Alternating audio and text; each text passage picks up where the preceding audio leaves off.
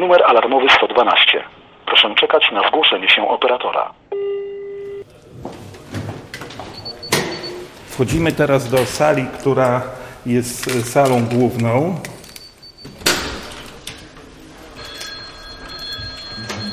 Dobrze, dobrze. Jak się pani, jak się pani nazywa? Znaczy to Halo, halo. Co się tam dzieje, proszę pani? Halo. Dobrze, ale to jest jakaś awantura rodzinna, tak? Tak jak pani redaktor widzi, to nie jest taki typowy urząd, bo w urzędzie przeważnie obowiązuje marynarka, natomiast operator musi być tutaj ubrany tak, żeby było mu jak najbardziej wygodnie.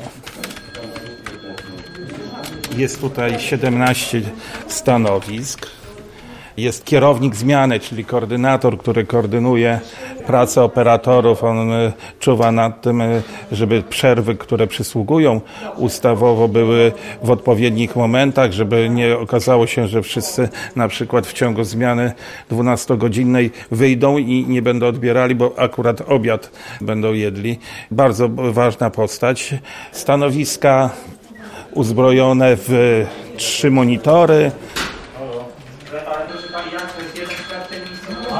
To jest serce. Serce, Centrum. tak, tak, tak. To znaczy można powiedzieć, że tak, krwiobieg, e, czy- czyli e, cała sieć komputerowa, a sercem są operatorzy.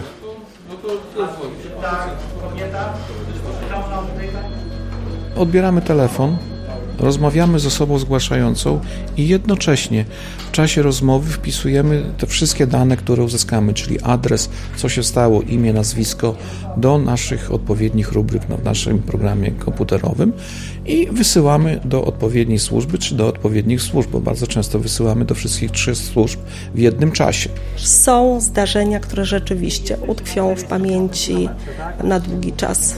Tak naprawdę nasza praca polega na mówieniu, na, na prowadzeniu rozmowy. My nie widzimy naszych zgłaszających. Nasz głos e, jest głównym narzędziem. Bo co innego jest e, obejrzeć gdzieś w telewizji jakiś program, przeczytać w gazecie, a, a co innego jest rozmawiać z taką osobą. Tak, być na tej pierwszej linii w momencie, kiedy dana sytuacja się wydarzyła i my jesteśmy tą osobą, która te pierwsze emocje musi wyłapać i z tych emocji wyłuskać informacje, które są nam potrzebne. Każdy błąd kosztuje, czasami życie.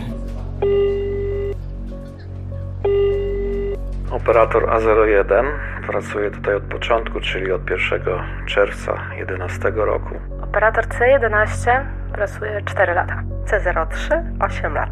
Operator C13 pracuje w CPR-ze od dwóch miesięcy. Operator D03 e, pracuje już 3 lata. Operator B01, 7 lat w CPR-ze. Operator B02 pracuje od 2011 roku w CPR Lublin, czyli właściwie od początku. Jestem z rodziny, gdzie mąż też pracował w służbach, no niósł tą pomoc y, ludziom. I tak chyba już od wielu lat żyłam w takim klimacie i to nie jest tak, że ja zaczęłam jako bardzo młoda osoba, bo już przyszłam tutaj do pracy, no jako doświadczona już osoba i, i wiedziałam, z czym to się je, prawda? Nie wiem, może też mam taki charakter, że nie boję się rozmów z ludźmi. Wcześniej pracowałem na podobnym stanowisku, w stanowisku kierowania komendanta miejskiego w Straży Pożarnej, też tutaj. I później po odejściu na emeryturę, po dwóch latach przebywania na łaskawym chlebie, okazało się, że jednak czegoś brakuje. A gdy dowiedziałem się, że powstaje Centrum Powiadamiania Ratunkowego, wahałem się przez trzy minuty. Niektórzy lubią się wspinać po górach, inni lubią nurkować, też przy okazji powiem, jestem nurkiem. A dla mnie taka duża adrenalina to właśnie odbieranie numerów alarmowych. Wyszło zupełnie przez przypadek. Dowiedziałam się, że jest taka oferta pracy i stwierdziłam, że w sumie warto spróbować. Szczerze to zawsze chciałam pracować w więzieniu. Wiem, że tam też jest potrzebna taka pomoc takim ludziom, może skrzywdzonym właśnie. I stwierdziłam, że może spróbuję, może się będę nadawać.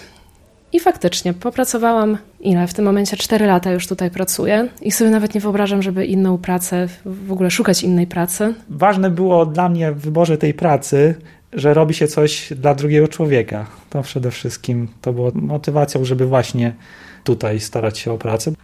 Trzeba pomagać ludziom. Pomagając ludziom, pomaga się też sobie. Ta praca jest bardzo ciekawa. Troszeczkę jest zgodna z moim kierunkiem studiów, bo ja kończyłam bezpieczeństwo, między innymi. Zarządzanie kryzysowe. Na pewno jest wyzwaniem. To jest na, na duży plus. Tutaj możemy po każdym telefonie spodziewać się wszystkiego. Od prośby o przepis na pizzę do zgonu, czy jakiegoś innego poważnego wypadku. Nie wiemy, co nas czeka przychodząc do pracy. Jest wieczór, właściwie noc i zupełnie inna atmosfera. No tak. Całkiem inna z tego względu, że przychodnie są zamknięte, więc trzeba dzwonić na numer alarmowy po pogotowie. Po co gdzieś iść w ciągu dnia stać w kolejce, jak można wezwać karetkę do domu? Ludzie strasznie tego nadużywają. Proszę, proszę pani, halo, słyszy mnie pani? Ja, ja rozumiem, ale proszę pani, żadna pomoc teraz nie jest potrzebna. Ani policja, ani karetka, tak? Wszystko jest w porządku. I z mężem, i z panią, tak? A dla... A, dla, a, a dlaczego nie możecie otworzyć tych drzwi? No rozumiem, proszę pani, no taka sytuacja troszeczkę dziwna, no ale no co pani by chciała? Że co, straż przyjechała? Proszę pani, straż pani nie otworzy drzwi. Straż wchodzi razem z drzwiami do mieszkania, proszę pani. Nie ma takiej możliwości. Początki każdy z nas miał trudne. Ja pamiętam, że jak zaczynałam pracę, jak przechodziłam szkolenie wstępne, to dla mnie to był jakiś wielki chaos i ja nie wiedziałam, ja szukałam jakiegoś gotowego klucza do każdej rozmowy. A coś takiego nie istnieje i, i trzeba sobie po prostu z tego dać, zdać sprawę. Osoby, które zdają egzamin, bardzo często jest tak, że właśnie jeżdżą na egzamin, przyjeżdżają tutaj, siadają pierwszy raz za konsolę i po tych kilku dyżurach dopada ich taki stres, że nie są w stanie dalej z nami pracować i odchodzą. Raz, że trzeba wiedzieć o co pytać, pytać, słuchać, wpisywać, patrzeć przy okazji na mapę, myśleć jakie służby. Bardzo dużo naraz trzeba było robić i nawet zauważyłam, że na początku mojej pracy ja po prostu patrzyłam tylko w jeden monitor, nic więcej mnie nie interesowało. Za dużo wszystkiego naraz, ciężko. Jest to praca, którą trzeba mieć no, dość szeroką wiedzę. Oprócz tego, że tutaj człowiek ma jakieś tam przygotowanie pod względem merytorycznym, to trzeba mieć jeszcze, wydaje mi się, jakąś wiedzę życiową, dlatego że mamy do czynienia po drugiej stronie z różnymi ludźmi, z społeczeństwem, które jest y, czasami bardzo trudne. I człowiek, który jest niedoświadczony życiowo, bardzo młody, może mieć problemy. Czasami ten telefon, jak odbieramy, jeden jest spokojny, powiedzmy spokojnie ktoś zgłasza, a drugi jest taki, że słyszy się krzyk, pisk. I są to takie sytuacje, że naprawdę ta adrenalina w człowieku tak skacze, że jednak nie każdy się nadaje do takiej pracy. Natomiast tak naprawdę każdy dzień przynosi coś nowego. Operatorzy, którzy mają doświadczenie 6-7-letnie, przychodząc do pracy tak naprawdę nie mają pewności, nie mają świadomości, z czym akurat dzisiaj będą mieli do czynienia i co akurat dzisiaj e, przyniesie nowy dzień czy nowa noc. I faktycznie czasami zdarzają się takie sytuacje, że osoby z 7-6-letnim doświadczeniem dostaną telefon i rozkładają ręce, bo jest coś nowego, coś takiego, czego jeszcze do tej pory nie mieliśmy, a życie pisze własne scenariusze, których no nie jesteśmy w stanie przewidzieć. Powiem pani tak, jeżeli ktoś nie wczuwa się w osobę zgłaszającą, to nie ma tutaj czego szukać. To jest dla niego koniec pracy y, w przypadku odbierania numerów alarmowych. W momencie, gdy kończy się współczucie, kończy się zrozumienie. Gdy kończy się zrozumienie, nie ma czego szukać na numerze alarmowym. Operator D04, czy mogę pomóc? Ple, ple, ple. Ple, ple, ple, ple, ple. Ogólnie najbardziej ruszają mnie zgłoszenia z dziećmi. Jest takie jedno zgłoszenie, gdzie zadzwoniła do mnie matka trzylatka, gdzie ja mam dziecko w tym samym wieku, więc oczami wyobraźni widzę swoje no, siłą rzeczy. I y, mówi, że jej dziecko poszło na taką popołudniową drzemkę i teraz się obudziło i po prostu zdrowe dziecko, nic takiego się nie działo, ma jakieś drgawki. Połączyłam do pogotowia, i dosłownie minęło kilka minut i znowu dzwoni do mnie ta kobieta, że... A jeszcze słyszałam w tle, jak to dziecko płacze i tak słyszałam to dziecko. I za chwilę dzwoni ta kobieta i mówi, że dziecko przestało oddychać sinę. No i tak bardzo mnie właśnie to zgłoszenie ruszyło, że odczekałam chwilę i poszłam tam do sali, do pogotowia i się pytałam. Na szczęście dziecko przeżyło, ale przez te pół godziny to chodziłam taka roztrzęsiona, bo nie wiedziałam, co tak naprawdę się z tym dzieckiem dzieje, a tak jak mówię, oczami wyobraźni widziałam swoje malutkie dziecko, które nie wiadomo dlaczego przestaje oddychać.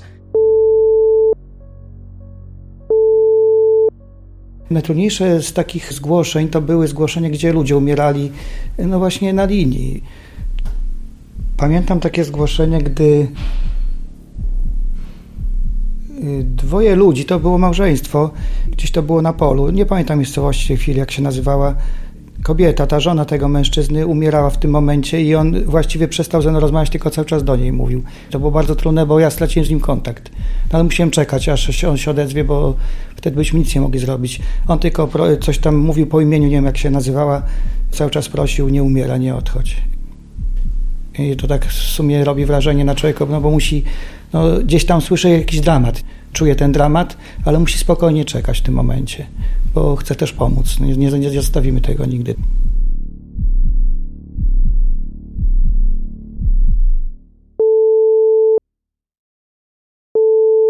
E, zadzwonił do mnie ochroniarz z budynku i powiedział, że z jednego z mieszkań dochodzą takie krzyki. Krzyczała kobieta, ale nie, nie, nic konkretnego, prawda? To były raczej piski, tego typu odgłosy. No, oczywiście zostały tam powiadomione wszystkie służby, o ile dobrze pamiętam. Natomiast później się dowiedzieliśmy, że tak naprawdę miałam okazję słyszeć w słuchawce gwałt na żywo. Ta kobieta była gwałcona w własnym mieszkaniu. Słyszałam te krzyki, bo one były na tyle głośne, że było je słychać przez zamknięte drzwi.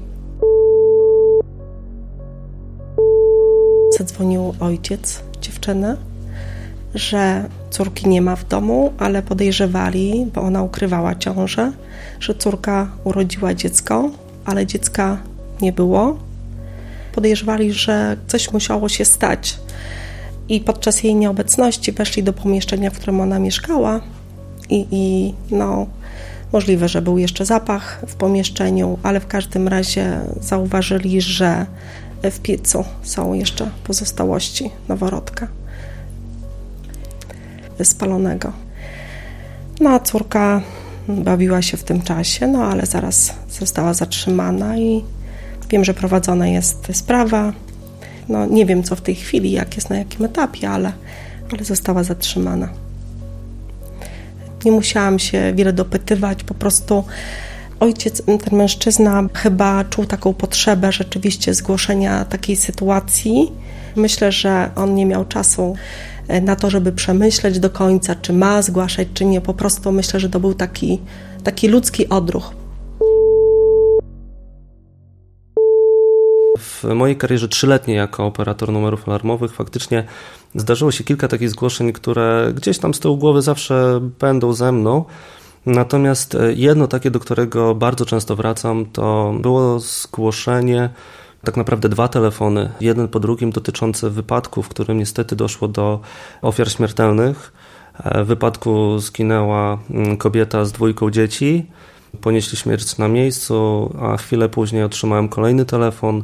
Dzwonił mąż i ojciec tych osób, które zginęły w wypadku z prośbą o potwierdzenie informacji, że to nie jego rodzina zginęła. Nie mogłem udzielić informacji, mimo tego, że tą informację posiadałem.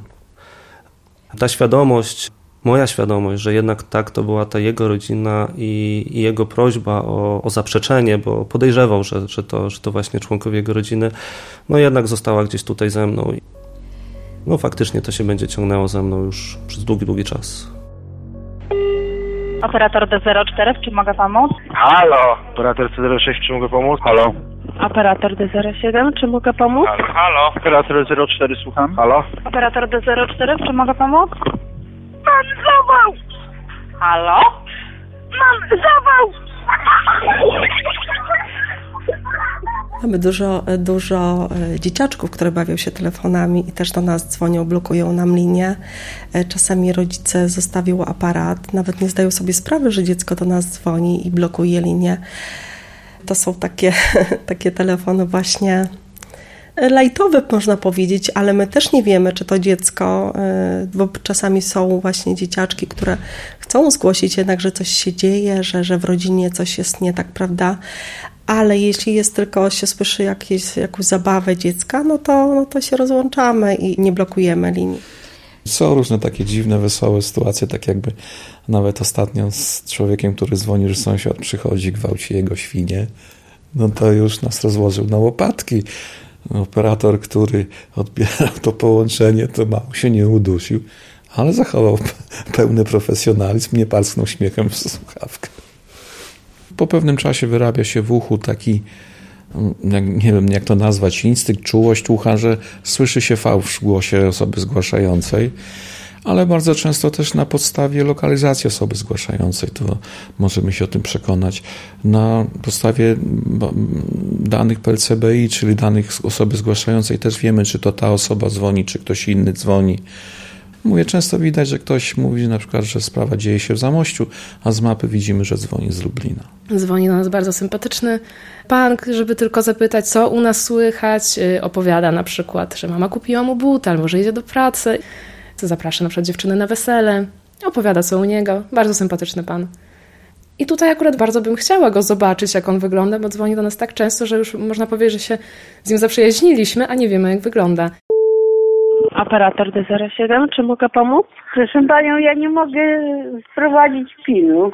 Niestety nie pomogę pani w kwestii PIN-u, numer alarmowy 112. Łączymy z pogotowiem, policją lub strażą pożarną. Aha, Musi pani udać się do obsługi klienta z telefonem. Mamy też takie osoby, co po prostu mm, wydaje mi się, no bo nie wiem jak jest naprawdę, ale wydaje mi się, że taka osoba starsza, sama w domu, po prostu ma ochotę się wygadać, ma jakieś tam swoje teorie na prze, przeróżne tematy i po prostu nikt nie chce chyba już jej słuchać i dzwoni właśnie do nas. Mamy też kilka takich osób.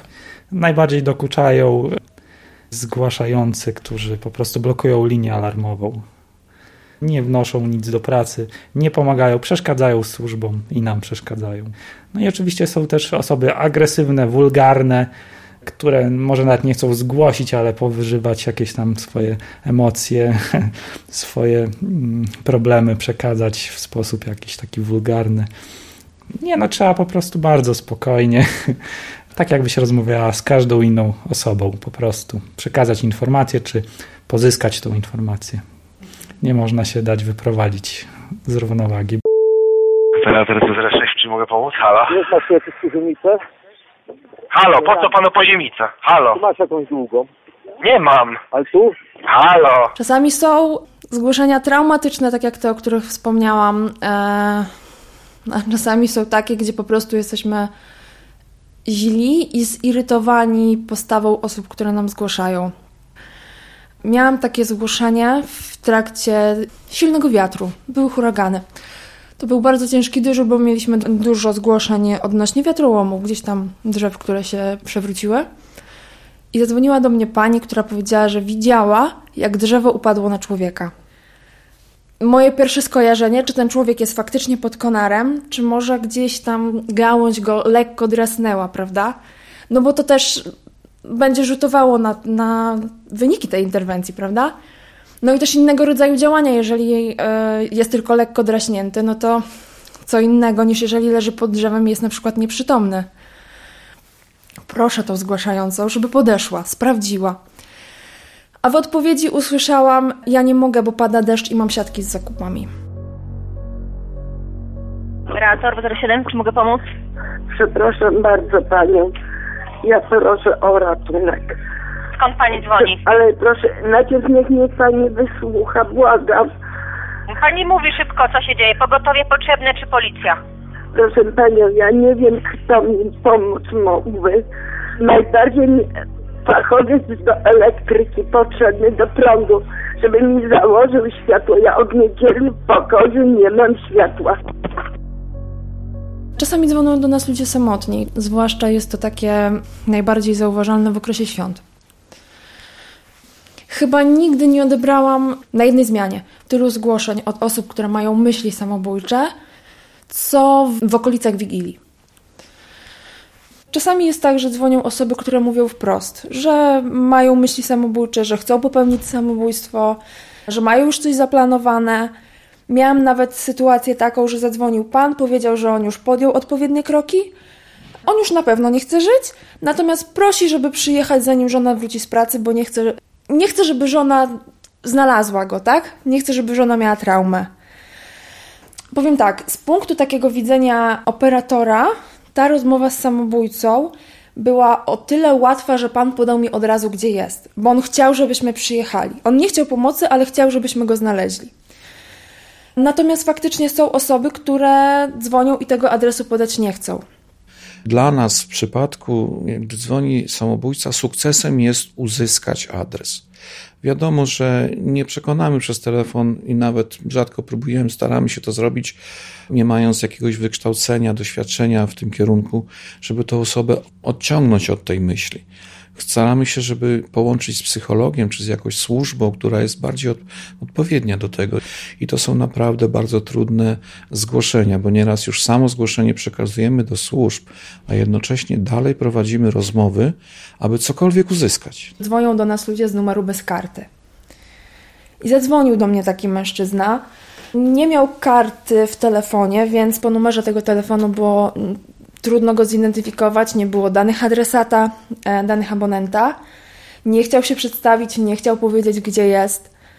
Także ja się naprawdę bardzo długo musiałam męczyć, żeby chociaż w przybliżeniu ustalić jego lokalizację. Tak fizycznie czułam, czułam trochę, jakby mi ktoś obręcz założył na klatkę piersiową. Bo ja wiedziałam, że jeżeli nie wydobędę jakichkolwiek informacji z niego, jeżeli przekażę tylko ten numer telefonu, nieaktywnego telefonu w dodatku, to jak, go, jak służby go znajdą, to już prawdopodobnie będzie za późno. Więc naprawdę starałam się na różne sposoby. Po pewnym czasie powiedział mi miejscowość, miasto, duże miasto. Gdzieś tam kluczyłam, udało mi się wydedukować, że jest w swoim domu. Jego imię, po jakimś czasie nazwisko. To naprawdę trwało bardzo długo. Ja się z nim męczyłam godzinę. W sensie rozmawiałam, tak? A rozmowa skończyła się na tym, że pan się rozłączył, ja do niego odzwaniałam kilkanaście razy i w końcu odebrał i powiedział, że mam mu dać spokój, bo on właśnie przebrał się w piżamę i idzie spać. Mężczyzna w jednej z mniejszych miejscowości tutaj w województwie lubelskim stał na peronie, zadzwonił, powiedział, że za chwilę rzuci się pod pociąg, czeka na pociąg, pierwszy, który nadjedzie w tej chwili. Ja zapytałem go, co się stało. Bo chodzi o to, żeby wzbudzić zaufanie. I on mówi, że właściwie to nie ma sensu życia, bo żona go zostawiła, dziecko zabrała i on właściwie tylko właściwie nie ma po co żyć i w tej chwili tylko czeka, aż ten pociąg nadjedzie. Mm, no ja to zaczęliśmy rozmawiać. Y, rozmawiamy w ten sposób, żeby skłonić go, że ma, jest jakiś zawsze cel i sens życia. Że ta żona, tak jak w tej chwili go stawia, to ona jest. Dziecko też jest, prawda? Czy jest dla kogo żyć? Powiem Pani szczerze, że Samobójstwo to jest kwestia może minuty. Chodzi o to, żeby go skłonić do tego, że jest jakiś sens życia, sens tego dialogu nawet, żeśmy rozmawiali, prawda? Jakoś wtedy widziałem, że w ciągu tej minuty on mnie słucha po prostu. I ja zacząłem prosić go, ale prosić, zaznaczam, proszę wrócić do poczekalni. Proszę wrócić. Y, jak zadziałało to? Ten mężczyzna mówi, dobrze, idę. Później go zapytałem, jak on jest ubrany, bo już służba była zawiadomiona. I on mi powiedział, zaczął mówić wszystko. Nie? Później, mało tego, że chodzi po tej poczekalni, to jeszcze policja już była na miejscu i ja podałem te wszystkie dane, wziąłem jakąś tam kurtkę czy coś i on mówi, widzę policjantów. Czy mogę, po... tak, proszę podejść do nich. To już mamy przynajmniej tyle, że ten człowiek jest uratowany. Myślę, że to daleka była droga od tego peronu i, i pociągu znaczy do tej poczekalni, ale to jest ważna droga, to jest droga życia czasami. Proszę wrócić do poczekalni. Bardzo pana proszę. Ja uważam, wielu z nas, myślę, że wszyscy, że osoby, które mm, chcą popełnić samobójstwo, tak naprawdę to one nie dzwonią do nas, one popełniają samobójstwo, ale są osoby, które właśnie nie wiedzą, co zrobić, niby chcą, niby coś planują, ale szukają pomocy w drugim człowieku. No po prostu jest ten numer, gdzie tutaj zawsze, o każdej godzinie, każdej porze dnia, nocy ktoś jest i, i ten telefon odbiera, prawda? I można porozmawiać. Także jeśli nam się udaje, to na pewno jest to taka satysfakcja i taka, taka ulga. Jestem psychologiem CPR w Lublinie, pracuję od pięciu lat. W tym pokoju rozmawiam z operatorami twarzą w twarz.